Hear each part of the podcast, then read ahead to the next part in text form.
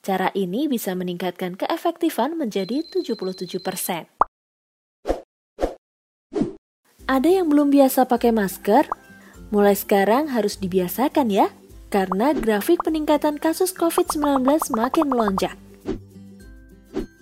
Berikut beberapa tips cara menggunakan masker agar lebih efektif menghalau partikel yang bisa terhirup oleh kita. Beberapa orang memilih menggunakan masker kain karena lebih ekonomis. Ternyata keefektifan masker kain menyaring partikel hanya 51,4 persen, sedangkan masker bedah memiliki keefektifan 56,1 persen dengan cara pemakaian biasa. Beda lagi jika kita mengikat tali pengait masker di dekat bagian yang menempel ke masker sehingga sisi masker menjadi lebih rapat ketika digunakan. Cara ini bisa meningkatkan keefektifan menjadi 77%. Ingin keefektifan lebih meningkat lagi? Kita bisa gabungkan penggunaan kedua masker tersebut. Masker bedah di bawah masker kain, keefektifan bisa mencapai 85,4%.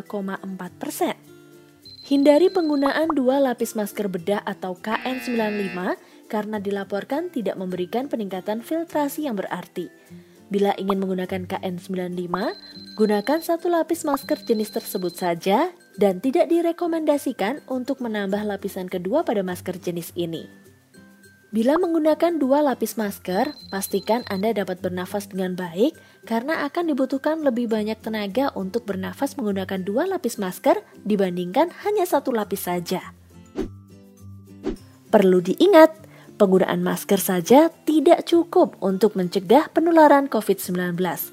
Selalu terapkan 5M jika terpaksa harus berpergian.